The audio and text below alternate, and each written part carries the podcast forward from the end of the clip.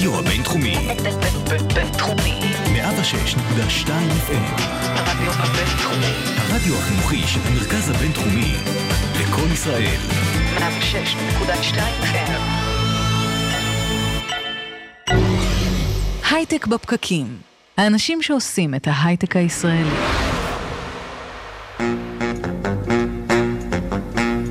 בוקר טוב, יום חמישי, חמישי בדצמבר 2019, הייטק בפקקים.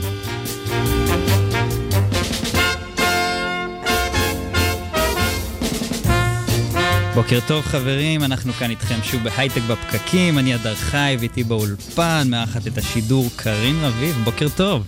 בוקר מצוין. חגיגת הקניות של Black Friday ו Cyber Monday מאחורינו, אולי ימציאו עוד משהו בדרך. מקווים שתפסתם כמה מבצעים טובים. ממשלה נכון להיום אין לנו, ואנחנו הולכים אולי לבחירות שלישיות, לצערנו שלא ברור איך הן ייפתרו וימנעו בחירות אה, רביעיות. אנחנו משדרים לכם ברדיו הבינתחומי, בפייסבוק live, בכלכליסט ואיצטדיון הסטארט-אפ. חפשו אותנו גם בסאונד קלאוד, ספוטיפיי ובאפליקציות הפודקאסטים האחרות, אנחנו מבטיחים להיות שם. ואתם מוזמנים לשלוח לנו שאלות, תגובות והערות בפייסבוק, אנחנו live, רואים ועונים למה שאתם כותבים. היום אנחנו הולכים לדבר על איך משתמשים בטכנולוגיה חדשנית להתמודדות עם אירועי טרור, איך סיפור היזמות הישראלית מלמד אותנו על פיתוח כישורים הכרחיים, על חדשנות בעולם שירות הלקוחות ועל הקהילה הגאה בהייטק. יהיה מעניין.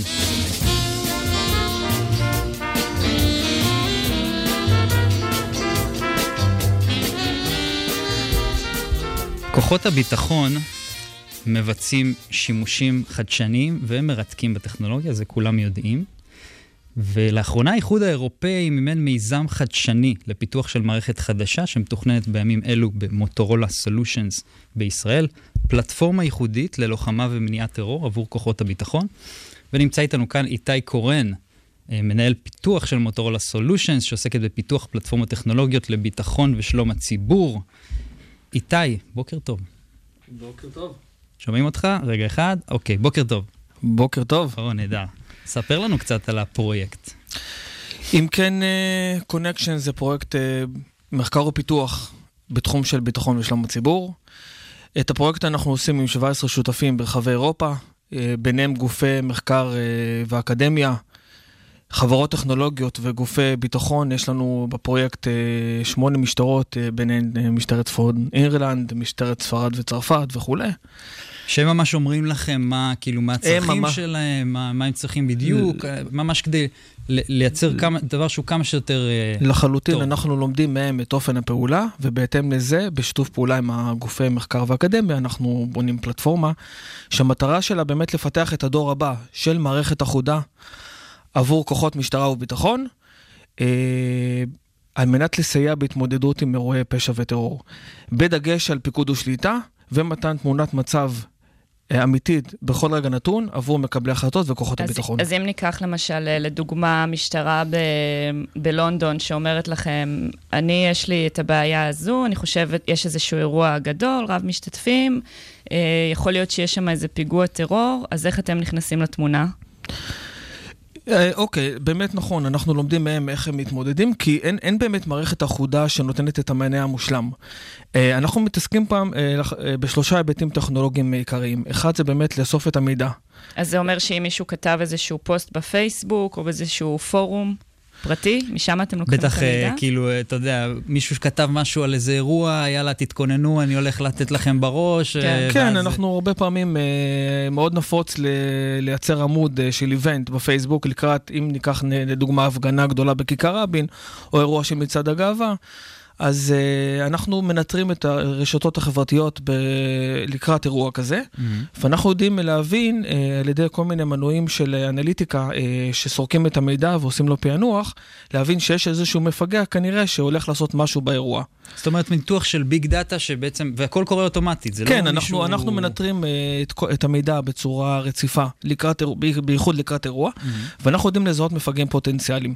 Uh, דבר נוסף שאנחנו עושים, אנחנו עושים ניתוח והצלבות מידע אה, באמצעות אנליטיקה ובינה מלאכותית, ואנחנו משתמשים בהצגת הנתונים, כי ברגע שהאירוע יתחיל, אנחנו, ותכף אני אדבר על השלבים, באירוע- ב- השלבים שלנו, ההיבטים הטכנולוגיים ו, אה, וצירי הזמן שמתייחסים לאירועים כאלו, ובסופו של דבר מקבלים את הכלים להתמודד. אה, למנוע אי אפשר, אבל אפשר להיערך בצורה מאוד מאוד אה, טובה ונכונה, כדי למגר כמה שיותר... יש אה, עוד דרכים לחזות אירוע טרור מלבד רשתות חברתיות? בטח כל מיני דברים שהם במאגרים אחרים? כן, אנחנו ב- למעשה משתמשים במאגרים גם פומביים של רשתות חברתיות וגם נעזרים במאגרים פנימיים של משטרות. ואת המידע הזה אנחנו מנתחים בצורה שוטפת. לקראת אירוע כזה, למעשה, מה שאנחנו עושים, ועכשיו אני רוצה לדבר באמת על צירי הזמן. אה, כאשר אני יודע שהולך לי להיות אירוע כזה, אה, מה שאני עושה זה כמובן ממשיך כל הזמן ל- ל- ל- לאסוף את המידע, לבצע קונפיגורציה. אני ממש משרטט את גבולות הגזרה של האירוע, כי אני יודע איפה זה יהיה. אני ממדל בתלת מימד כדי להיערך טוב יותר ולהציב את, את, את כל הכלים, אם זה... אתה- ממש ממדלים, טכנולוגיה שגם ממדלת בתלת מימד את הזירה של, של אירוע שיש בו אולי מפגע פוטנציאלי, כן, כדי לדעת... לקראת, לקראת. אם יש לנו הפגנה מראש, אנחנו יודעים, יודעים מהם שזה גבולות אירוע הגזרה. נפיץ ואתם אה, כן, אז אנחנו נערכים. גם יודעים איזה כוחות יעמדו לרשותנו, יש לנו כוחות משולבים שעומדים לרשותנו אה, במשימה, ואנחנו, לפני שהאירוע מתחיל, אני ממש מקנפג איפה אני רוצה לשים אה, את הכוחות, איפה לשים את המצלמות הסטטיות, אנחנו משתמשים גם במצלמות גוף ל- לכוחות, של כוחות הביטחון, ואחד הדברים הכי מגניבים שאנחנו עושים, זה מש- משתמשים במשקפיים של מציאות רבודה. זאת אומרת ש... וזה חלק מה... מהאופן שבו אנחנו מציגים את הנתונים. כאשר האיש, כוחות... הב- שהשוטרים פשוט אה, מרכיבים את המשקפיים האלה ומסתובבים איתם. כן, הם מסתובב- מסתובבים איתם בשטח, ואז בזמן אירוע, ואני עובר כרגע לזמן נראה של... שוטרים אה, בתל אביב מסת- כן, עם, מסתובבים אה, עם משקפיים כאלו. משקפיים, זה יכול להיות מעניין. כן, כי, כי זה, זה נותן לנו שני דברים. בזמן אירוע, וכרגע אני באמת עובר ל- לזמן האירוע עצמו, זה הציר כמ- זמן השני בעצם הציר- של, כן. של ההווה. כן. כן, זה כרגע, בוא, עכשיו האירוע אה, קורה. התחיל, התחיל. קרה משהו. אז המש... המשקפיים של. של המציאות הרבודה, לא רק שהיא נותנת קשר ל... לשוטר עם החמ"ל שלו, היא גם מאפשרת לו להבין מה קורה יותר טוב בשטח. זאת אומרת, אה, הוא לא חייב אותי כאחד שמקבל החלטות לדעת מה לעשות. אם יש איזשהו מפגע פוטנציאלי, אה, הוא יכול לראות את זה כבר על גבי המשקפיים שלו. והוא יכול גם לראות אה, אה, מי נמצא לידו מבחינת כוחות הביטחון כדי לקבל את העזרה. זאת אומרת, יש דברים שאני קורא להם סמי-אוטומטיים, שבמקום לחכות להוראות מלמעלה, אתה כבר יכול לקבל את התמונת מצב היותר טובה, כדי, כדי לדעת אתה להתמודד ממש בצורה קורא, טובה יותר. מקבל תמונה בשטח של הדברים, איך הם קורים, מדהים. אבל אה, לדעתי, דווקא אמרת, אולי אי אפשר למנוע את זה מראש. אני כן חושבת שאם עולים על זה על פורומים באינטרנט ורואים כל מיני התכתבויות, אז אולי כן אפשר למנוע את זה מראש. כן, לדוגמה, אם דיברנו על עמוד בפייסבוק, אז אה, אה, יכול להיות מישהו שמגיב בצורה מסוימת, אולי לא יותר מדי קיצונית, ואז אנחנו חוקרים על אותו בן אדם, ומגלים ש... אה, זמן מה לפני, הוא העלה איזשהו סרטון שמדבר נגד בצורה יותר חמורה. ואולי הוא נראה באזור איכשהו, ואפשר כן, לזהות וברגע אותו. שאם הוא יתקרב לאזור, אנחנו גם יודעים לזהות אותו על ידי זיהוי פנים. זאת אומרת שאם אנחנו מחזיקים איזושהי רשימה, איזושהי רשימה של אה, מפגעים פוטנציאליים, ואנחנו יכולים אה, לתת, להבין בש- שהם מתקרבים ל- וזה לאזור. לא חייב להיות מישהו עם עבר אה, כלשהו שאהב בכלא, זה יכול להיות גם מישהו שהוא פשוט, אה, יש עליו איזושהי התראה מאוד, אה, כן. מאוד מינורית, עדיין אם, אם זיהוי פנים יזהה אותו, עדיין... אז זיהוי פנים יזהה אותו, יקפוץ. ו- וזה יקפוץ בחמ"ל, וואלה. ייתן למקבל החלטות אפשרות להיערך. ואז ו- מה עושים במצב כזה? כי אתה לא, את- אין לך עוד אה, בעצם אה, התראה קונקרטית, זה, זה משהו שהוא מרומז כזה, אולי, מה, מה עושים במצב כזה? תראה, אז יש גם סיטואציה של התראה קונקרטית על מפגע שהולך להתקרב לאזור מסוים, ואז אנחנו נערכים. כן, אבל נגיד שלא. נגיד שזה מישהו שהוא סתם כתב משהו ברשתות חברתיות שיכול להיות או פשוט מישהו דברי שמתסיס, שנאה. מישהו שמתסיס אה, קהילה שלמה, שיש כן. לו כוח. אז איך כן. אתה יכול בעצם לעשות לו משהו? אתה לא, אין לך שום עילה לעצור אותו. אין לי עילה לעצור אותו, אבל אני יכול להיערך יותר טוב. מהמם. האמת, יכול להיות שכן, יש איזושהי עילה, אם רואים מישהו שמדבר אה, בצורה מאוד אה, קשה וחמורה. יכול להיות שכן. אז יכול להיות שיש... אה, כן, ש- אנחנו פה יודעים ל- להיערך, ואנשים כאלה, אנחנו יודעים לזהות אותם כשהם מגיעים ומתקרבים לאירוע, ואנחנו... אה, מרתק. מעניין אותי לדעת ככה על שיתופי פעולה שלכם, אם אתם עושים שיתופי פעולה עם ההייטק הישראלי, עם סטארט-אפים מסוימים, כי אני יודעת שיש עוד סטארט-אפים שמתעסקים בתחום הזה. אה, הכל זה טכנולוגיות שלכם, או שיש לכם איזשהו שיתוף פעולה? כמו שאמרתי בפתיח, אה, הפרויקט הוא בשיתוף פעולה עם 17 שותפים, אה, ביניהם גופי מחקר מתקדמים באירופה. אז יש לנו אה, שיתוף פעולה הדוק עם אה, סרט, שזה אה, גוף אה, מחקר ופיתוח יווני, שיש להם המון המון ידע בתחום הזה. אבל לא עם אה, חברות ישראליות? כלומר, אתם הספציפי- היחידים שמגיעים אה, מישראל. כן, אנחנו אה, בתוכנית הורייזן 2020, אה, אנחנו סוג של קונסורסיום שמאגד בתוכו, אה, במקרה הזה אנחנו היחידים הישראלים, ויש לנו שותפים אה, ברחבי אירופה. מה לגבי ציר הזמן של האחרי? הבנתי שיש עוד ציר זמן. כן. מה קורה אחרי אירוע? אה, מן הסתם, כן, אנחנו באמצעות המערכת גם מבצעים הפקת לקחים כדי להשתפר לקראת האירוע הבא, וגם נושא של איסוף הראיות זה משהו שהוא מאוד חשוב, כי במידה וקורה איזשהו משהו, אנחנו רוצים גם לשמור את הראיות. מבחינת קטעי הוידאו שרלוונטיים, ו... זאת אומרת, תחקור ואיך איך מתחקרים, באיזה טכנולוגיות בעצם אפשר לתחקר אה, אירוע?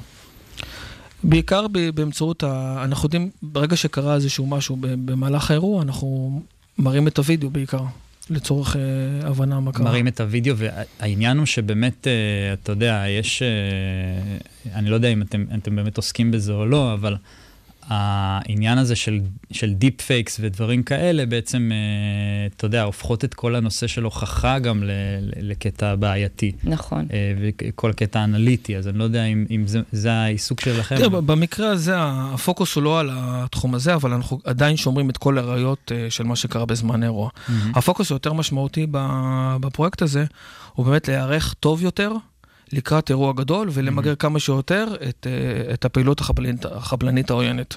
אחלה, הבנתי. ויש לכם גם עיסוק, הבנתי, בדברים כמו אה, אסונות טבע, נכון? יש, אתם גם כן. עוסקים בזה בכובע אחר, אני חושב. כן, אנחנו לאחרונה שמענו על הצפות אה, רציניות בוונציה. ונציה, ונציה. כן, אני, קצא"א. אני ממש חזרתי יומיים אה, לפני שזה היה. כבר. שהייתי שם, היה, התחילו להיות מים גבוהים, עזבתי, אחרי יומיים פתאום, אה, ככה אני אומר? רואה בחדשות שזה. פספסת אירוע היסטורי, או שלא פספסת, דווקא נכון. ברחת מאירוע היסטורי.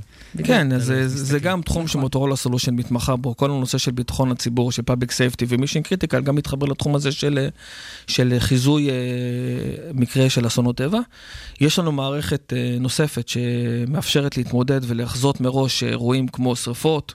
ובמקרה הזה באמת אה, דיברת על הצפות, אז אה, אנחנו יודעים לקבל נתוני חיזוי מזג אוויר מראש. כן, לנטר ומשבר. האקלים, כנראה שיהיה לנו כן. יותר ויותר אירועים כאלה. כן, ואנחנו משתמש, משתמשים במגוון סנסורים, למשל לגובה פני הים, ויש לנו מערכת נוספת של, אה, גם בתחום של אה, מערכות שו"ב, שליטה ובקרה. האם אתם יכולים לחזות רעידות אדמה גדולות? קראתי דווקא איזה ספר בנושא, ככה fiction, אבל אה, זה משהו מאוד אה, רציני. אני חושב שיש לנו, אני יכול לדבר בסשן נפרד על נושא של רעידות אדמה, גם כן. פה מוטורולה Solution זה אה, מתחברת לתחום הזה ונותנת פתרון אה, מדהים לרעידות אדמה. אבל אם, אם אני חוזר רגע לאסונות הטבע, אז אה, יש לנו מערכת באמת שיודעת לקבל כל סוג של אירוע של אסון, ולהתריע וגם לאפשר לנהל אותו ולתת פלטפורמה למקבלי ההחלטות, לשלוט, לנהל, לשלוח צוותים, לקבל מידע בזמן אמת. על, על... זה כבר משהו שהוא פועל? זה משהו שכבר uh, פועל, כן. שסיימנו אותו לאחרונה והוא כבר עובד. Uh, התנסינו בו באמת בוונציה במרץ האחרון, ובנובמבר גם היה לנו עוד איזשהו uh, ניסוי uh, בתחום של uh, שרפות יער. אז זה ממש מדהים, אפשר יהיה למנוע שריפות מטורפות כאלה, ואולי רעידות אדמה. ועכשיו עם כל האסונות טבע כן. והמשבר האקלים, עוד יותר כן. יהיה רלוונטי כל הסיפור. איתי. קורן, התמודדות עם מקרה טרור באמצעות טכנולוגיה, תודה רבה שהיית איתנו. ואסונות טבע. ואסונות טבע, בוקר טוב. בוקר טוב, תודה רבה. בוהרים את ראשך, פקח עיניים מולך, בני אדם עם. מחכים שתלך אל השביל שמוביל לשמחה. השמחה העצובה מתרחקת כשיש בנו זעם. מה נשאר פקח עיניים ללכת בדרך שלך? קח איתך אהבה. אולי תהיה האחד שיוביל ויפתח לנו שער. דרכו ניכנס חלולים, נתמלא בשמחה ללא צער.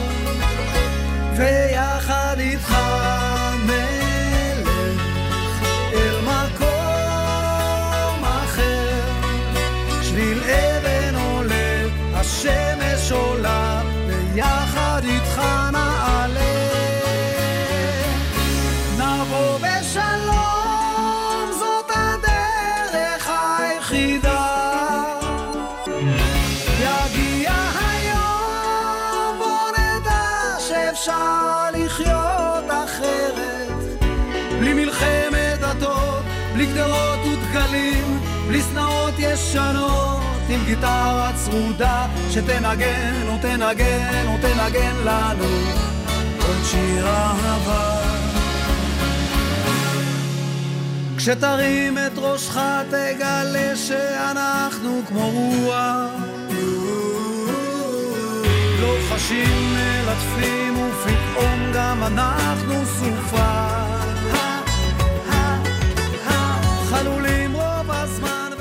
חדשות השבוע. שקד דמבו נמצא איתנו כאן באולפן. בוקר טוב, דמבו. בוקר טוב, בוקר טוב, מה העניינים? שומעים אותך, הכל בסדר, כן, זהו. נבהלתי לרגע, לא יודע, לא שמעתי. טוב, מה היה לנו בחדשות? יש לנו הרבה מה לדבר. מה זה הרבה? אתה לא יודע בכלל. וואו, אז אז רגע, אה, תקשיב. בוא, נתחיל מה, מהסיפור שאנחנו עוקבים אחריו כבר תקופה, דיברנו עליו איזה פעמיים שלוש, על כל הסיפור של ה- היעדר הכסף אה, מרשות החדשנות אצל סטארט-אפים, כן, שמתעכב. שבעצם, בדיוק, שהכל מתעכב בגלל שיש לנו ממשלה חלופית, כאילו ממשלה שהיא זמנית. אה, אז ממשלת חבר מעבר. כנסת, בדיוק, ממשלת מעבר, חיפשתי את ה... ברחה לי המילה. חבר כנסת יזהר שי העלה את הנושא בוועדת הכספים, על זה כבר דיברנו, ועכשיו באמת אה, גילוי. נאות, אנחנו מכירים אותו. מה זה מכירים אותו. וזהו, אז עכשיו זה אושר באמת, והודיעו שביום ראשון הכספים אמורים לעבור, ל...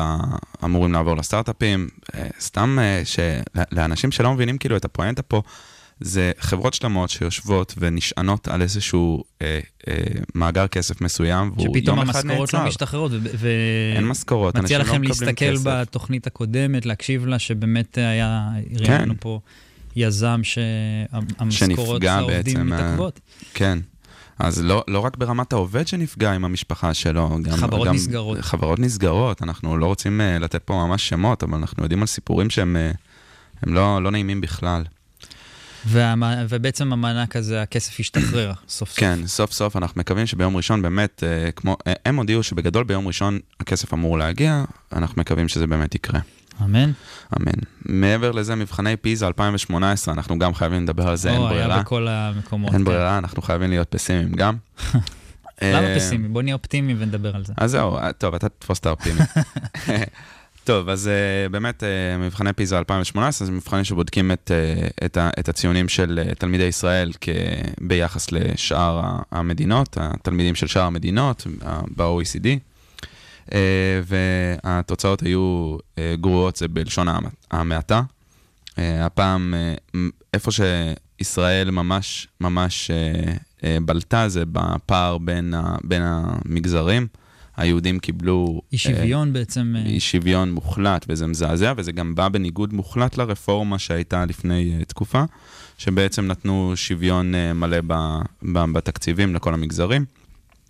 זה רק מראה שזה לא, לא ממש עבד, מהמם. אתה מבין? צריך אז- להגיד שמבחני פיזה הם גם אה, בודקים כישורים שמאוד חשובים אה, להתמודדות עם בעיות חדשות, דברים שלאו דווקא ראינו לפני כן, דברים שהם מאוד רלוונטיים לעולם שכל הזמן אה, משתנה. נכון, זו טענה שדרך אגב של הרבה מאוד מומחים, שאומרים שבעצם ה- הלימודים בישראל מלמדים אותך איך לשנן כמו שצריך, Mhm. מלמדים אותך איך לקלוט חומר, להקיא אותו בתוך המבחן. חייב היום להודות אה, שגם הכל על עצמי. משתנה, הכל משתנה כל הזמן. אתה, תחום אחד, אתה לומד אותו, אחרי שנה הוא כבר נהיה תחום אחר. נכון, הוא נהיה לא רלוונטי. החלק המשמעותי בסיפור. זה, זה לדעת בעצם ללמוד, לדעת לחשוב, לדעת לתפוס את השאלה ולהבין אותה תוך Mhm. כדי, שזה משהו שמבחני פיזה מנסים uh, למדוד. אנחנו נכשלים בזה חרוצות. Uh, ובואו ניתן קצת נתונים, יותר מחצי מהתלמידים הערבים בכיתה ט' הוגדרו כמתקשים, לעומת 12% מהיהודים. תחשוב מה זה, 12% מהיהודים הם מתקשים, יותר מ-50% מהערבים. זה וואו. באמת נתון כאילו מזעזע. Uh, פערי הציונים ב, ב, במדינת ישראל הם הפערים הגדולים ביותר בעולם. אנחנו חד משמעית המדינה כרגע עם, ה, עם הפערים הגדולים ביותר. שזה גם לא, לא משהו להתגאות בו, בוא נגיד. אה, שר החינוך אה, הקים ועדה שתחקור את כישלון, ה, ה, את הכישלון של הרפורמה הזאת, ואמורה לתת לנו איזושהי תוכנית חדשה, או שיפור של התוכנית הישנה, כדי באמת לגשר על זה. אה, ואני שואל אותך, אתה יודע, אתה, אתה מסתכל על הדבר הזה, יש לנו תקציב עצום, עצום ב, במשרד החינוך, ולמה למה לדעתך כאילו נו- נובעים הפערים האלה? האם זה באמת פערי תרבויות? או האם אני זה... חושב שתראה, גם החברה שלנו היא מאוד אה, מורכבת. אה, זה דבר אחד. דבר שני, יכול להיות שדברים שקרו ב... אה, במערכת החינוך אה, לא עובדים כמו שצריך. אני לא מספיק בקיא כדי אה, לבקר. תשמע, כולם גם מדברים על האלימות בחברה הערבית, שכמובן ש, שיש לזה קשר איך, איך תלמיד יכול ללמוד ולהתמקצע ב, ב, בתחומים מסוימים, כאשר אתה יודע, בבית... אה, יכול להיות שבאמת אין שוויון הזדמנויות במקומות שונים, וזה זה מייצר פערים מאוד גדולים. כן. אה, כלים לא נכונים שאנשים מקבלים, אתה יודע. אה, אה, גישה, גישה חינוכית שהיא, אתה יודע, מכריחה את התלמיד ללמוד חומר שהוא לאו דווקא רוצה ולא מתוך רצון וסקרנות אמיתית ללמוד. אתה יודע, בן אדם בסך הכל טיפוסים מאוד סקרנים. אני חושב שזה שילוב של כל מיני דברים. כן. אז uh, עם קצת מזל אתם רואים על המסך עוד מעט את הגרפים שמציגים לנו באמת את המצב. לנו בכל. מקרה, אני, אני אגיד לכם את זה בעל פה. Uh, הממוצע של ה-OECD, מה שאנחנו רואים בכל השנים האחרונות, באמת uh, יש לנו נתונים מ-2006 עד 2018, ואנחנו רואים שהממוצע בסך הכל נשאר יחסית יציב בין השנים. אנחנו, uh, כאשר ישראל הייתה בעלייה uh, מתמדת מ-2006, ועכשיו יש לנו קצת ירידה, למרות שהירידה היא לא מאוד משמעותית. מה שכן משמעותי זה אתה רואה את הירידה לפי חברות, כאילו לפי מגזרים. אתה רואה שבעצם כאשר החברה היהודית נשארה בעצם באותו מקום, החברה הערבית בהידרדרות מוחלטת, שזה עוד פעם בניגוד מוחלט לרפורמה.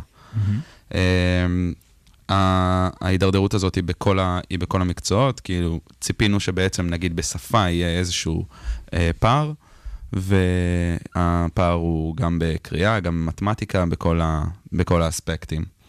אה, ממכון ירושלים לחקר שווקים, לקחנו את תגובתם, נמסר, יפה. מערכת החינוך הישראלית קורסת, הבעיה אינה נמצאת בתקציב החינוך ולא בגודל הכיתות. עלינו לאפשר עצמאות למנהלי בתי הספר, לתגמל מורים טובים במשכורות שונות, ועל ידי שיטת השוברים לפתוח את שוק החינוך לתחרות.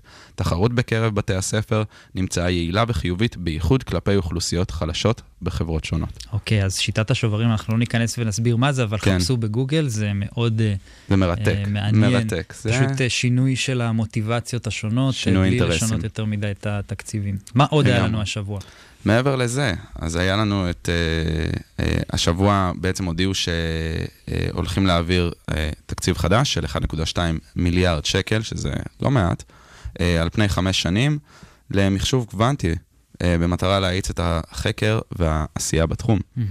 אה, הם הולכים לעשות את זה ככה שהם בעצם יעבירו את, ה, את כל התקציבים האלה לאוניברסיטאות. אנחנו ב, בעיקר פחות אה, מנסים לקדם את התעשייה ב, ב, במהלך שכזה, אנחנו רוצים לקדם את המחקר בתחום. כי אני חושב שבאמת קוונטים זה תחום שאתה עוד, אה, אתה יודע, הוא כל כך בחיתולים, וחברות אה, עסקיות עוד, עוד קשה לראות את ה... זאת, אומרת, לא הרבה השקעות עוד נכנסות אה, במגזר הפרטי, כי עוד קשה מאוד לראות איך היישומים הפרקטיים קורים, ועדיין המחקר בתחום הוא מאוד חשוב, אתה יודע, לצרכים אני ביטחוניים. בטוח שגם כשהתחילו לחקור AI בהתחלה, בהתחלה, בהתחלה, זה היה נשמע כמו, אתה יודע, fiction. לגמרי, זה אבל... נשמע אה, כמו משהו ש... שאין למה לחקור אותו, כי לעולם לא יהיה לו יישום, והיום אנחנו רואים את מנהיגי העולם רבים ביניהם על מי תהיה המדינה השולטת, נכון. כאשר זה נמצא במרכז. נכון, יכול מאוד להיות שיהיה, אבל אתה יודע, רק, רק החברות הענק, אתה יודע, גוגל וכאלה, הם יכולות להרשות לעצמם להקצות מהמם. תקציבים אה, ו- אפרופו גוגל, אתה ולחקור יודע את מה, ה- אני אזרוק חדשה ככה, סתם ככה, שבאמת ה- ה- שני המייסדים המיתולוגיים של גוגל עזבו או, אותה אתה כבר, עכשיו. וואי, אנחנו מספיקים פה באלפאבית. כן, אנחנו מנסים, אנחנו מנסים. לארי פייג' וסרגי ברין כן. עזבו את, אה, את אלפאבית, הניהול את בעצם. נתנו לסונדר פיצ'י, המנכ"ל של גוגל, גם לנהל נכון. את החברת אם. אה. יפה, אחלה כן, אה, קידום. זה משהו שהוא מאוד מאוד גדול, אנחנו בעצם לא מכירים את גוגל, גוגל חברה בת כמה, 25, 26, 27, משהו באזור הזה.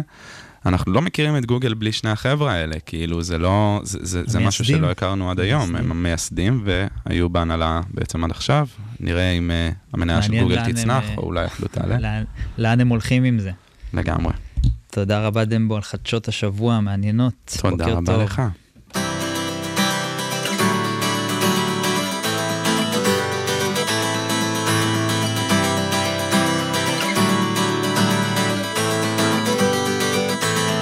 הנה אנשים מגולגלים בתוך נייר עיתון. וואו וואו וואו בתוך אצלנו במטבח ובמטבח על השולחן בתוך קנקן. וואו וואו וואו ויום אחד מתוך סטירה. וואו וואו וואו ותינוקות ליד בקבוק שבור מחוף הים.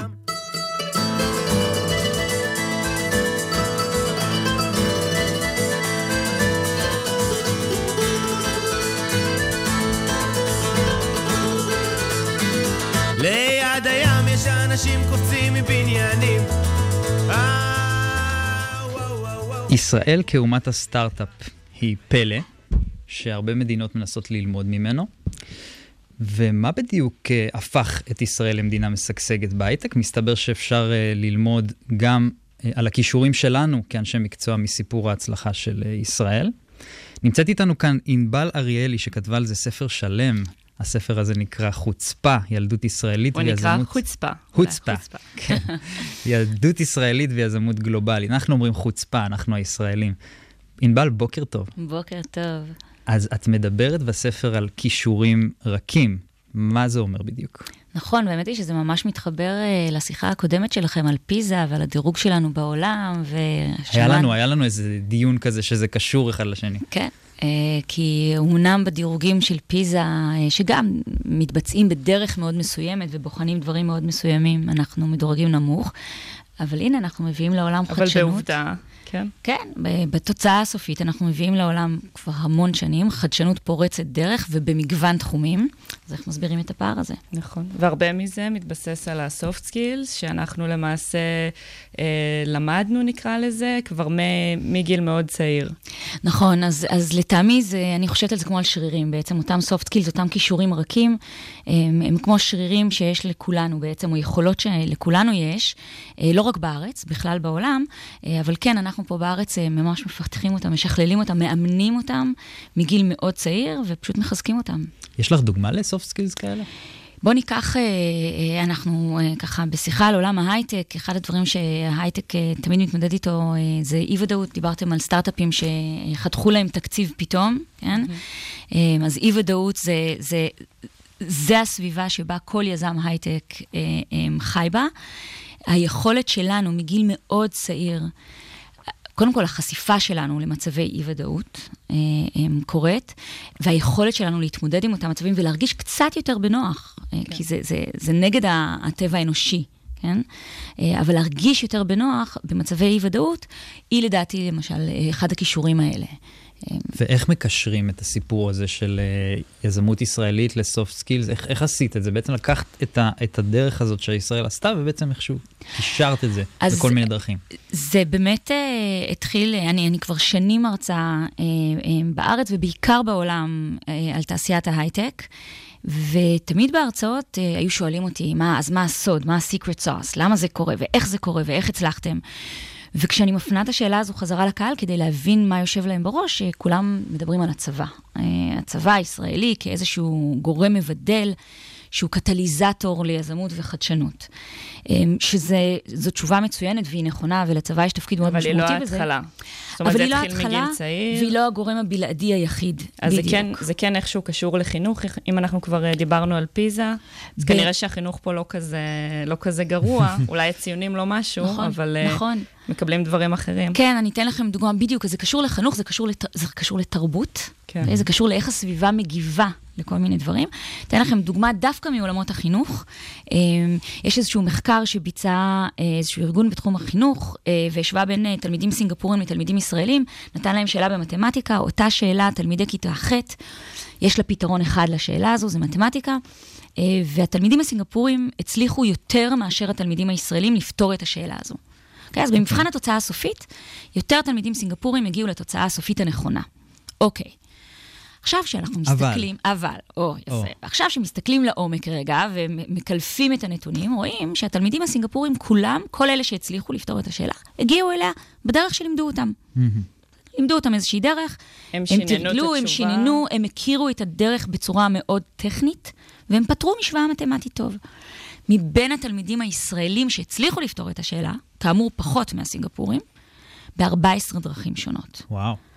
אז כלומר, אם אנחנו ניקח את זה העולם של ההייטק, אם מחפשים עבודה, אז הכישורים הטכניים זה לא, הכישורים הטכניים זה לא מספיק בשביל אה, עבודה. אתה צריך גם את ה-soft skills, את האינטליגנציה הרגשית, את האפשרות ללמד אחרים. לגמרי, את היכולת, התקשורת בין אישית ולעבוד בצוות, את ההתמודדות, את הכישורים המנהיגותיים שלך, את היכולת שלך להתמודד עם אי כמו שאמרנו, את החשיבה הביקורתית שלך.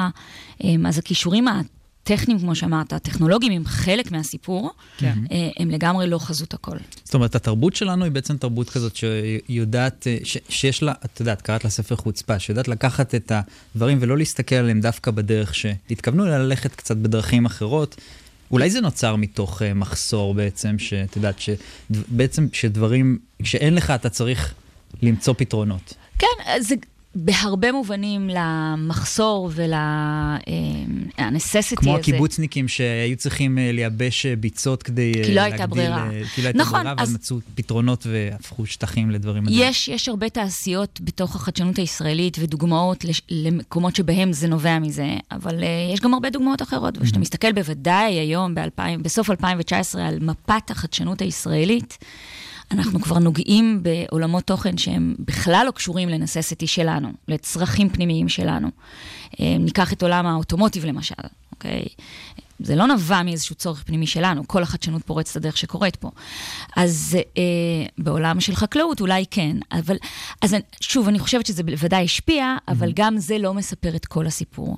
וכן, תרבותית וחברתית, מכל מיני סיבות אה, שאפשר לנתח אותן, אה, התפתחה פה איזושהי אה, ריאקציה חברתית לכל מיני התנהגויות, שכשמתייחסים אליהן בחיוב, או לפחות לא מגבילים אותם, מאפשרות מאוד לשכלל כישורים שהם קריטיים, אה, כישורים עתידיים בעולם, לא רק בישראל. יש, אה, אם אנחנו באמת מדברים על העולם, אז אה, גם דיברת על זה שג'ק מה היה פה, והוא אמר, אני למדתי פה על חוצפה ישראלית. Mm-hmm. יש לי שתי שאלות בעניין. אחד, אם זה משהו שהוא אפשרי בכלל להשריש בתרבות קולקטיבית. ודבר שני, אם זה, אם, באמת, לא, נתחיל בשאלה הראשונה בעצם, אם זה משהו ש... מעולה. אז דרך אגב, ג'ק מה שהיה פה שנה שעברה אה, בארץ, הוא אמר שהוא, הוא לא אמר שהוא למד על חוצפה ישראלית, הוא אמר שהוא למד על חוצפה. חוצפה. בדיוק. כן. dare to change. כן. שבעיניים שלו בעצם, המשמעות של חוצפה, זה האומץ הזה, התעוזה הזאת, להסתכל על מצב נתון מסוים, ולהאמין שאתה יכול לשנות אותו ולפעול לשינוי. אה, ומבחינתו, זה, זה, הוא היה שואף לזה מחוץ לישראל כמובן, כן? אמ, אז אני חושבת שאם נמשיך עם האנלוגיה של השרירים, אמ, לתפיסתי, זה אפשרי. אפשר לאמן שרירים גם בגיל מאוחר יותר, זה פשוט דורש יותר מאמץ. אפשר, אבל זה לא תמיד מתקבל יפה. נכון. למשל, כשאני למדתי בסין, או שפגשתי סטודנטים סינים, אז הם תמיד סיפרו שהם לא מעיזים לשאול את הפרופסור שאלות, כי זה, זה חוסר כבוד, או להתווכח עם הפרופסור על משהו, זה משהו שהוא בכלל. נכון. אז גם אם הם רוצים וגם אם יש להם רעיון, זה לא תמיד משהו שאפשר לעשות. נכון, אז זה באמת תרבותית מתקבל בדרכים שונות בחברות שונות, אבל מה שאנחנו כן רואים זה איזושהי מגמה עולמית להכיר בכישורים האלה, להכיר ביכולות האלה, להכיר בחשיבות שלהם ובערך שלהם. וחברות גדולות, ואנחנו רואים את זה, יש לא מעט חברות מולטינשיונלס גדולות היום בעולם מובילות, שהן פועלות במבנה של אה, היררכיה שטוחה יותר, mm-hmm. שיש בהם צוותים, סיירות כן, קטנות. שאתה לא מפחד כבר לדבר עם הבוס שלך ולהגיד לו מה אתה כן. חושב. נכון, בדיוק, ש- שצמצמו את ה- בעצם את המדרגים האלה. ועדיין כן. יש פחד קצת מכישלון, אה, בעיקר בתרבויות, אה, לא יודע, לצורך העניין יפן אני חושב. תרבויות. קולקטיביות. כן. הם מאוד מפחדים שונה. לעשות דברים כדי, כדי להיכשל, כי זה מסמן דווקא... אותם, כן. נכון. אז באמת ה... טולרנס, הכוח סיבולת שלנו כן. אל מול כישלון, בארץ הוא, הסבילות שלנו לכישלון היא מאוד מאוד גדולה וחזקה. Mm-hmm. וזה ללא ספק אחד הדברים שצריך לנסות ולעבוד עליו, לאמן אותו, כאמור, כמה שיותר מוקדם. פה בארץ, אבל זאת אומרת, אנחנו בסדר עם כישלון. אה, אני חושבת שאנחנו בסדר גמור, אני מניחה שאם תלכו אחורה אה, בתוכניות של אה, הייטק בפקקים בשלוש-ארבע שנים האחרונות, תראו שלא מעט אנשים שראיינתם, מיזמים שלהם לא הצליחו. והכל בסדר. והכל בסדר, והם נכון, כבר ב- אה, במיזם הבא. אבל נכון. בספר זה מאוד, אה, זאת אומרת, מדברים על כישלונות ושצריך להתמודד עם זה, אבל ישראל באמת מוצגת כסיפור הצלחה, ויש הרבה סיפורי השראה, ומעניין אותי לדעת, כאילו, מה, מה ה downsides לדעתך? וואו, אז... אני אה, מראה אותו למצלמות את. הספר. אז בשנייה שתיכנסי לרכב שלך ותנהגי בתל אביב או בכל עיר גדולה בישראל, תרגישי את ה downside של זה. אני מדברת בספר המון על הצופים ועל הערך החיובי של לתת לנוער לנהל ולהיות האר- אחראים. על הארגון, על החברת נוער, אה, הצופים. על, על הצופים, על תנועת כן, הנוער ותנועות. נוער אחרות, אבל יש כן. לזה גם downside, ואנחנו ראינו את זה באסון השיטפון. אה, של, ה, של המכינה, של תרבות יהיה בסדר. כן. יש, יש לזה שני צדדים, כן. ובאמת צריך להיות מסוגלים להחזיק את שני הצדדים האלה. אה, השאלה היא איך מאזנים, ואיפה הגבול עובר, ואיך אנחנו מצליחים לייצר איזשהו אה, שילוב של גם וגם. גם לשמור על יצירתיות ולאפשר לנסות ולהיכשל, אבל גם לדעת שאי אפשר סתם להגיד, סמוך עליי, יהיה בסדר, אלא צריך לגרום לזה שיהיה בסדר. איזה עוד כישורים רכים את מדברת? על איזה עוד? הבנתי שיש הרבה. יש, כן, יש סדר גודל של 17 וואו. אה, כישורים. אני מדברת על, אה, אני מדברת הרבה מאוד על האינדיבידואל מול הקולקטיב, וגם פה על האיזון הזה בין אינדיבידואל עצמאי, חזק, עם תפיסה, אה, עצ... מסוגלות עצמית חזקה, איך, איך הוא יכול לאמן את השריר הזה, למשל, במקרה הזה? אז בלהאמין בעצמו, ובלסמוך על עצמו, ובלעשות דברים בעצמו, אל מול אבל העובדה שהוא בדרך כלל בארץ חלק מקהילה, מצוות, ממשפחה, משכונה, ממשהו יותר גדול. מה שמאפשר לו גם לחשוב על לעשות דברים בגדול, אה, כי זה לא רק הוא עצמו. אז למשל, האיזון הזה, זה אחד הדברים שאני מדברת עליהם. אה, אני מדברת כאמור על אה, יצירתיות הרבה מאוד, על, על כאוס, על איך אני מתמודד עם כאוס, ומה הערך של כאוס, ועד כמה צריך, באיזה מצבים צריך לסדר כאוס, או איך לפעמים לסדר. משבר דווקא, משהו שאתה מתרומם ממנו. נכון, יותר. נכון, על קונפליקטים, על משברים, על, על אה, אה, הבעת דעות. אבל אה, זה, זה באמת דברים שלא מגיעים להרבה מאוד מגזרים. אמנם אנחנו מתחילים כן להתייחס למגזרים יותר uh, מוחלשים, אבל מי שגדל במקום שאין בו את התמיכה הזו, ואין את ה... מישהו שיעזור לו ויגיד לו, אתה יכול להיות יצירתי, אז באמת uh, נוצרת פה איזושהי בעייתיות. אה, כן, למרות שהספר פותח בסיפור מאוד מאוד אה, פשוט על גן שעשועים ישראלי טיפוסי, על, על המגלשה, ומה שלה, וזה קורה בכל מקום בארץ, זה לא קורה רק אה, אה, במשפחות הייטק, כן. אוקיי? אה, לא, אבל בפועל לי- אחר כך, למשל בהייטק, באמת אנחנו נכון. רואים הרבה פרויקטים שקורים בארץ, שגם דיברת בספר, שלעזור לאוכלוסיות האלה כן אה, להתחיל להיכנס לזה. לגמרי, זאת אומרת, אז- מישהו צריך לבוא מבחוץ ולעזור להם. אז, אז ארגז החול האישי שלי הוא הייטק, כי, כי אני אה, צמחתי וכל הקריירה שלי אה, היא, היא, היא בתוך תעשיית ההייטק, אז מאוד קל לי לראות את החיבוריות. אה, אני לגמרי חושבת שההקשרים התרבותיים קיימים בארץ לרוחב. אם גם עם אתגרים, יש קבוצות מסוימות שבהן צריך לאפשר את זה יותר או לעודד את זה יותר אל מול קבוצות אחרות, אבל תרבותית האלמנטים האלה קיימים בנו, ומה שצריך לעשות זה באמת להכיר מחוץ להייטק בחשיבות שלהם, בערך כוללות שלהם. עצמית, דבר שהוא חסר לחלק מהאנשים, ואם יש לך את הבן אדם שמאמין בך, אז זה דבר נכון. שיכול מאוד לעזור לך אחרי זה בהמשך. לגמרי. ענבל אריאלי, חוצפה. תהיו חצופים, תהיו חצופים. גלובלית, תהיו חצופים, זה מה שלמדנו, תהיו חצופים בקטע טוב. בוא, בדיוק. חוצפה חיובית. חוצפה נכון. חיובית. תודה רבה שהיית איתנו. תודה, תודה. בוקר טוב. בוקר טוב.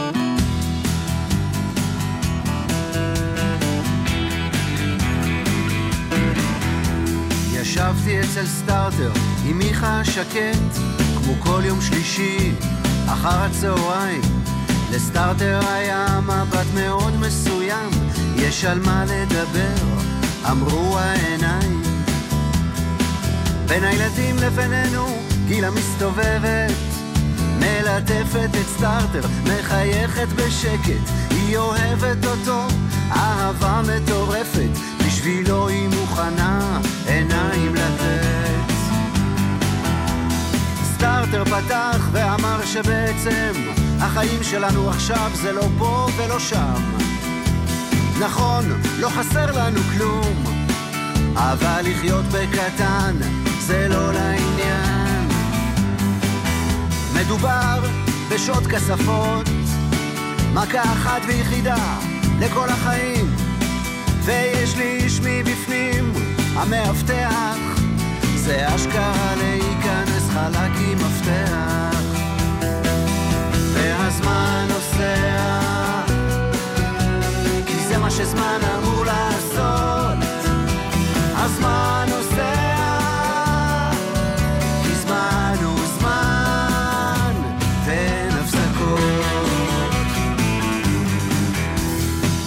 זה שהמאבטח הוא לא משלנו. אמרתי זה יביא צרות זה יעשה בלאגן אתה חייב להודות. טוב, אז את האייטם הזה אני חייב לפתוח עם אה, סיפור קטן משלשום.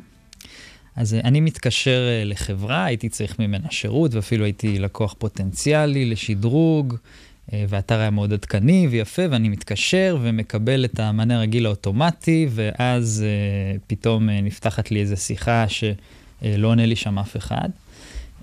ו... בעצם מחכה, מחכה, מחכה, מנסה עוד פעם, מנסה עוד פעם, ופשוט אה, לא, לא שומע כלום. אה, גם לאימייל, גם ליצירת קשר, לא מצליח ליצור קשר. אה, והמענה הזה הוא לא, זאת אומרת, זה קורה אצל הרבה מאוד חברות שבאמת זה, זה, זה בעיה. זה קורה לי מלא, מלא. זה בעיה, זה קשה לענות. לכל מיני קופות חולים, לא עונים לך. יש המון המון פניות, יש המון המון פניות של לקוחות, נכון? זה כזה משהו שהוא... כן, אבל זה לא תירוץ מתקבל על הדעת מבחינתי. אז הנה, אז מבחינת... אה, שחר אה, אה, גרמבק שנמצא איתנו כאן, מייסד חברת רפס AI, זה גם לא מתקבל, הוא מנסה לפתור את זה, חברה שעוזרת לייעל את שירות הלקוחות באמצעות בינה מלאכותית, ואולי יעזור לנו לקבל שירות קצת יותר טוב, ואני אשים את הזה של הפינה שלנו. סטארט-אפ בפקקים. סטארט-אפ בפקקים. שחר, בוקר טוב. בוקר טוב. אז ספר לנו קצת מה רפס AI עושה. אז קודם כל, הסיפור שאתה מספר, כמובן הרבה מאוד אנשים יכולים להתחבר אליו, כי כמעט כולנו חווינו איזושהי סיטואציה בעבר שבו פנינו לשירות לקוחות וקיבלנו איזשהו מענה אוטומטי, שידענו שזה מכונה ואנחנו אמרנו, אני רוצה בן אדם. אמ, והסיבה לכך היא שעדיין ב-2019 מכונות עדיין לא מגיעות לרמות שהן מביאות שירות לקוחות טוב. כן, שזה יהיה יעיל, זה לא, לא, אנחנו עדיין לא שם. הן יעילות, הדגש שלהם בעיקר כאילו נועד לייעל את המרכז שירות לקוחות, אבל... לשירות לקוחות, אבל לא לנו בתור כן, הלקוחות. אנחנו עוד לא מקבלים את השירות האידיאלי. בדיוק, כן. עכשיו, אה, כלקוחות אנחנו רוצים לקבל שירות לקוחות אה, טוב, או אפילו מצוין. נכון. מצד שני, אנחנו, יש הרבה מאיתנו, וכל חברה צריכה להתמודד עם אלפים ביום, זה קצת קשה. אני, אני מבין את החברות גם שצריכות בסוף לקבל כל כך הרבה טיקטים ולענות עליהם. אין ספק. אז, אז קודם כל אני, אני אתחיל מזה שאני אגיד שאנחנו לא אה, צ'טבוט, כי בדרך כלל כשאנחנו אומרים שאנחנו עושים בינה מלאכותית ושירות לקוחות אה, לחברות, אז ישר אה, שואלים אם אנחנו צ'טבוט. אז אנחנו לא צ'טבוט. Mm-hmm. אני גם אה, חושב, אני לא ממש מאמין בצ'טבוט ב-2019, כלומר יש לזה יתרונות יחסיים. זה טוב מאוד לראוטינג, זה טוב מאוד לדברים מסוימים. בוא נחזור אבל, למה שאתם עושים. אבל מה שאנחנו בעצם עושים זה אנחנו אה, עוזרים ל, לחברות להפוך את הנציגי שירות לקוחות שלהם מנציגי שירות שעונים על שאלות, לנציגי שירות שהם עונים שאלות שמביאות לש, לשירות לקוחות ברמה גבוהה יותר מבחינת השביעות רצון הלקוחות. Mm-hmm. כלומר, אנחנו מעבירים, מעבירים אותם מ-customer care ל-customer success. כלומר, אנחנו מכווינים את הנציגים אה, ואנחנו עוזרים להם בעזרת המוצר שלנו, שהוא אינטגרטד עם הפלטפורמות שהם עובדים איתם כיום, אה, להבין איך אתה יכול להפוך את הלקוח שכרגע אתה מדבר איתו ללקוח שאחר כך יהיה מאוד מרוצה, ולא יחווה את החוויות שכרגע אתם ציינתם. בא לי שזה יהיה ככה כבר uh, בכל מקום, אה, השירות הזה.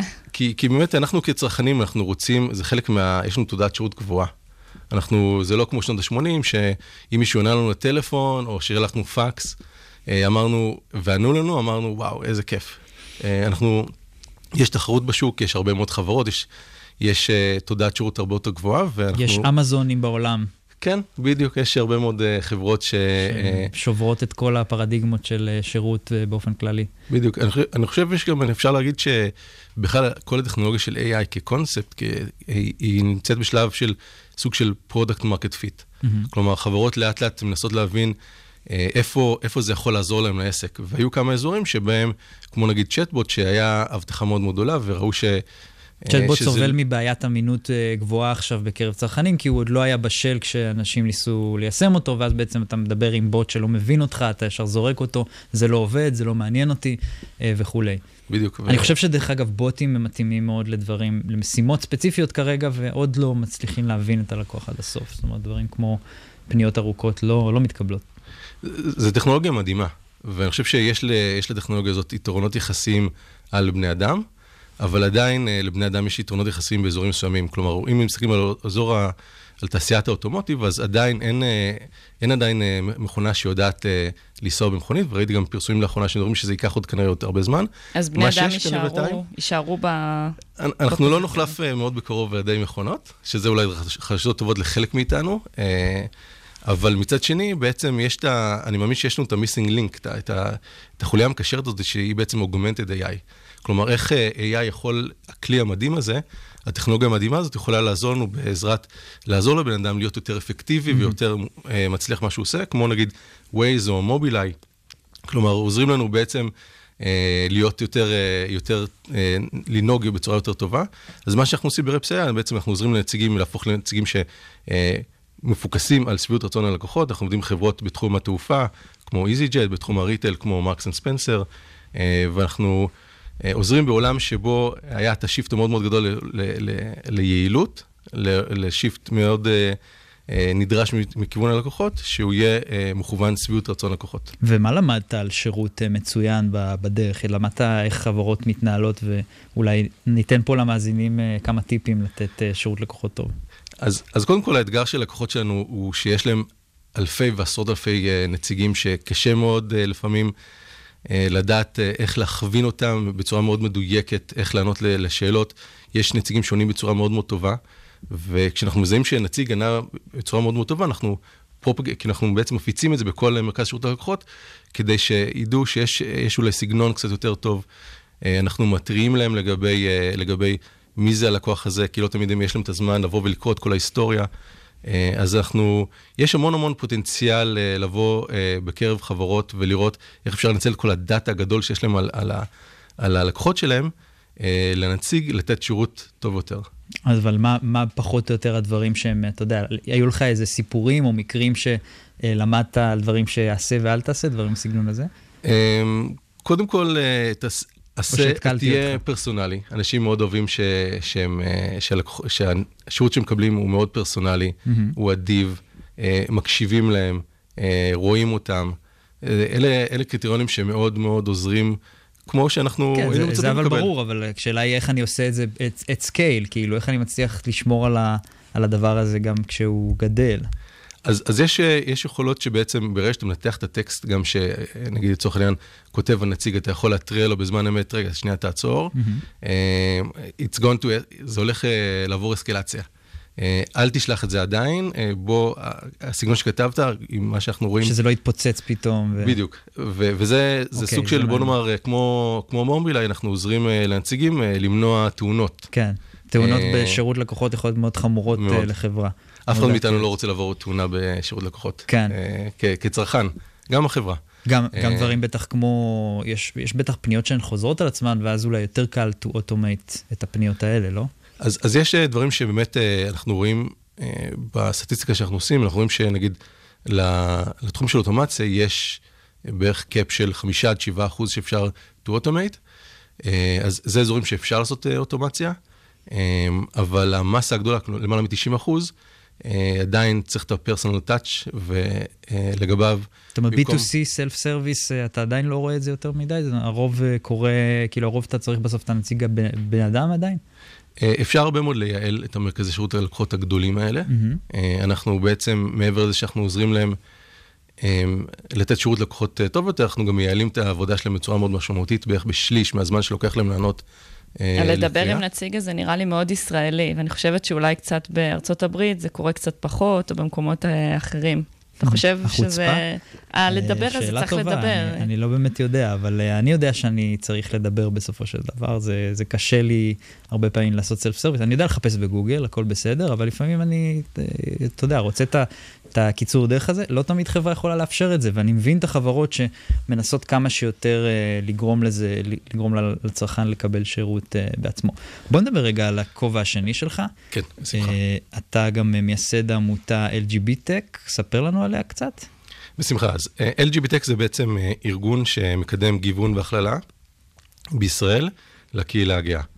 אנחנו עובדים uh, עם למעלה מ-50 חברות בישראל שהן כוללות כ-30 אלף עובדים, ועוזרים להם להבין מה זה אומר סביבת עבודה מכלילה ומקבלת את הקהילה הגאה. Uh, כשאנחנו מגיעים לחברות, אנחנו מספרים להם מה אנחנו עושים, אז התגובה הראשונה שלהם זה, יש לנו עובד הומו, אנחנו חברה מאוד פתוחה. Mm. שזה מאוד משקף את, ה, את התפיסה שלהם, מה זה uh, פתיחות לקהילה הגאה, שזה אומר, uh, אם אין להם... Uh, מדיניות שהיא אנטי קהילה גאה, זה אומר שהם חברה פתוחה. אז מה זה אומר באמת חברה פתוחה? כן, מה זה כן אומר? אז, אז קודם כל, אה, עדיין, אה, נדבר אולי מבחינת אה, סטטיסטיקות, אז אנחנו רואים אה, סטטיסטיקות מהשנים האחרונות, מהשנתיים האחרונות, מראות ש-41% מבוגרי תואר ראשון חוזרים לארון כשהם מצטרפים לשוק התעסוקה.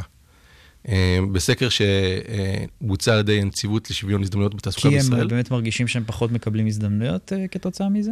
הם, הם מפחדים בעצם, חלק מהמקרים, אנשים, אה, כמובן, אין לי שום, אני לא שופט אף אחד, אבל רק... או שהם מפחדים ו- ואין לזה אחיזה במציאות, כי, כי ממה שאני מכיר, אתה יודע, תעשיית הייטק מאוד מחבקת את, את הקהילה הגאה בסך הכל יחס ל... הם חוששים אולי שמי שהם יעמדו מולו, כשהם ירצו קידום, אה, ייקח איזה שיהיה להם, יהיה לו דעות אה, קדומות אה, בנושא הזה, והוא יגיד, אה, הוא... טרנסג'נדר, אני לא, לא מעוניין שמישהו כזה יעשה לי מכירות של החברה או פיתוח עסקי. כל מה שאמרתם זה דברים שבאמת קורים עדיין ב-2019. אנשים, אנחנו יודעים שישראל היא חברה מאוד מגוונת, ויש אוכלוסיות, יש חלק מהאוכלוסיות שיותר שמרניות בישראל, ואנשים שהם באים לסיטואציה של אה, רעיון עבודה, הם, הם קודם כל עולה להם בראש, רגע, מול מי אני מתראיין, אה, אם, אם זו חברה פתוחה, אה, מה, מה המדיניות של החברה בנושא הזה, וזה דברים שעולים, והרבה פעמים המחשבות שעולות בקרב אנשים מהקהילה הגאה, בין אם באזורים שיותר קשים בקהילה הגאה, כלומר, קשים מבחינת אה, אה, למצוא עבודה, אה, כמו, כמו הקהילה הטרנסית, אה, אז הנושאים האלה עולים בזמן שאנשים נמצאים בתהליך אה, בין אם אה, בתהליך קבלה לעבודה, בין אם אה, עכשיו הם ברעיון עבודה, הם מתלבטים להעלות את זה, בין אם בקורות חיים, הם התנדבו בארגון קהילתי, אולי להצניע את זה. ומתי בעצם יוצאים מהארון? מה זה משנה לנו? זאת אומרת, עובד, הוא עובד, אם הוא, יש לו אינטליגנציה רגשית ויחסי אנוש מעולים וסופט סקילס, אז למה בכלל צריך להעלות את, ה, את הנושא הזה ברעיון עבודה?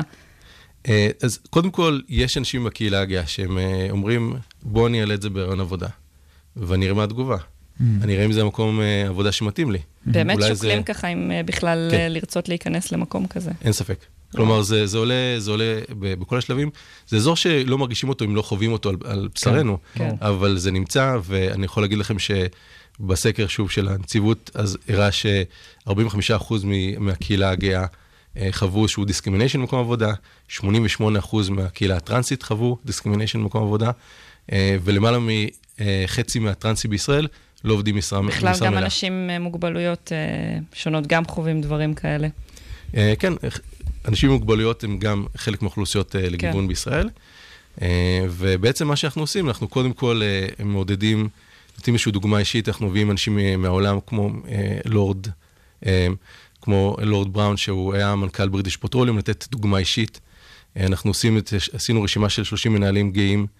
30 המנהלים הגאים המובילים בישראל עם גלובס, mm-hmm. שחלק, שליש מהאנשים סירבו להיות ברשימה, אה, ועוד wow. כל מיני פעילות אחרות עם החברות, כדי להסביר להם מה זה אומר להיות חברה אה, פתוחה ומקבלת, כי הנתונים מראים אה, שעובד שהוא מרגיש בנוח להיות מישהו במקום עבודה, שאגב, זה לא בהכרח רק לגבי הקהילה הגאה, באופן כללי, אפשר להגיד את זה, הוא 30 אחוז יותר נאמן לחברה. גם שנה שעברה, דרך אגב, ראינו שהיה את, ה, את ההפגנה הזו, את היום יום אה, חופש, זאת אומרת שהחברות ההייטק הגדולות תמכו בעובדים שלהם.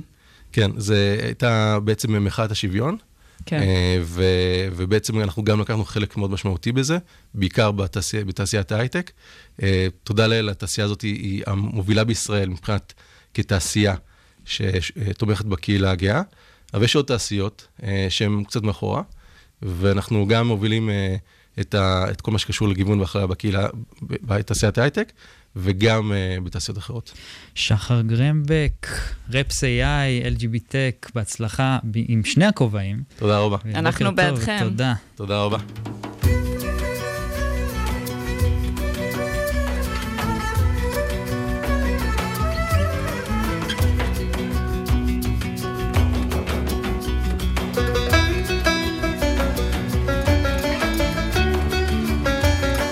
פרשת השבוע, ויצא.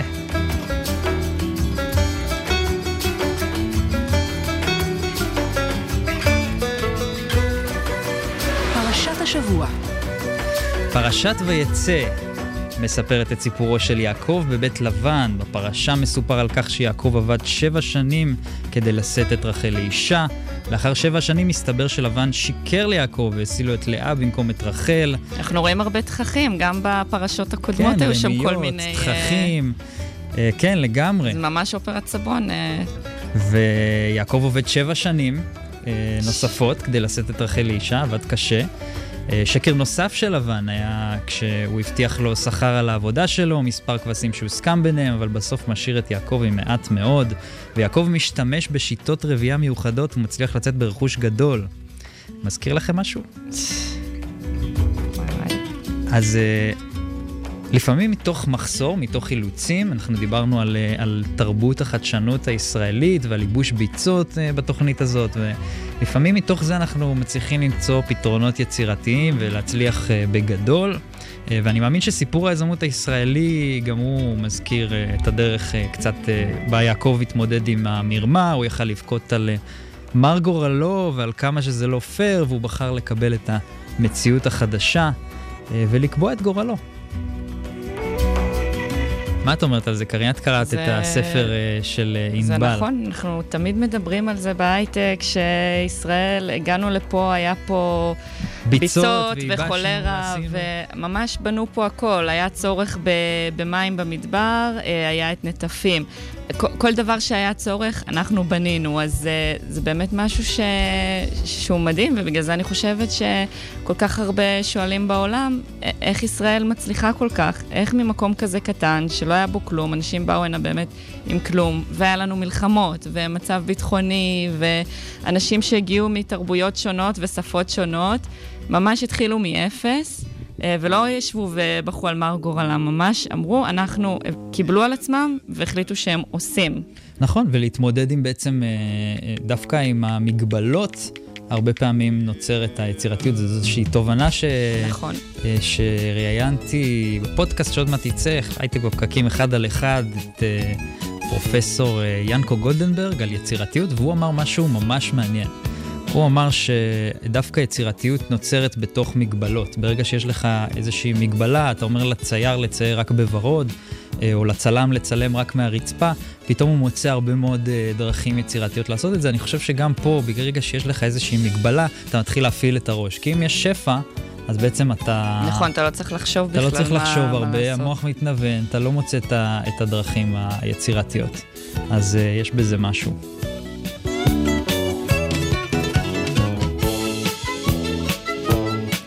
קארין, מה את אומרת? לסיום. אנחנו מתקרבים לסיום, היה לנו הרבה דברים. אני רואה פה רשימה, בדיוק פתחתי, 100 משפיעים על החיים בישראל, אז ככה בא לי לשתף אותך שרון חולדאי, ראש עיריית תל אביב, במקום אה, השני. אה, קארין התל אביבית שלנו. אני ממש ככה, לא יודעת, אני שמחה, אני... טוב, זה נחמד.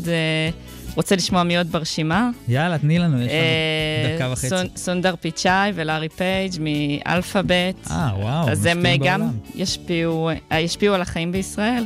מדהים. מדהים, כן. בנימין נתניהו, מקום שלישי.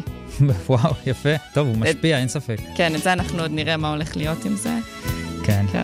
חברים, אנחנו מתקרבים לסיום. תודה לכל מי שהייתי באולפן. תודה, קארין. תודה, אדר, היה כיף. שקד דמבו. על הוידאו ועל החדשות, תודה לאורי טולדנו, מנהל התוכן שלנו, לנירית מפיקה, תודה לכלכליסט ולרדיו הבינתחומי על שיתוף הפעולה. תודה לכם שהאזנתם לנו בפקקים, במשרד או בבית. צאו בזהירות אם עוד לא הגעתם למשרד, ואם הצטרפתם רק בסוף, אל תדאגו.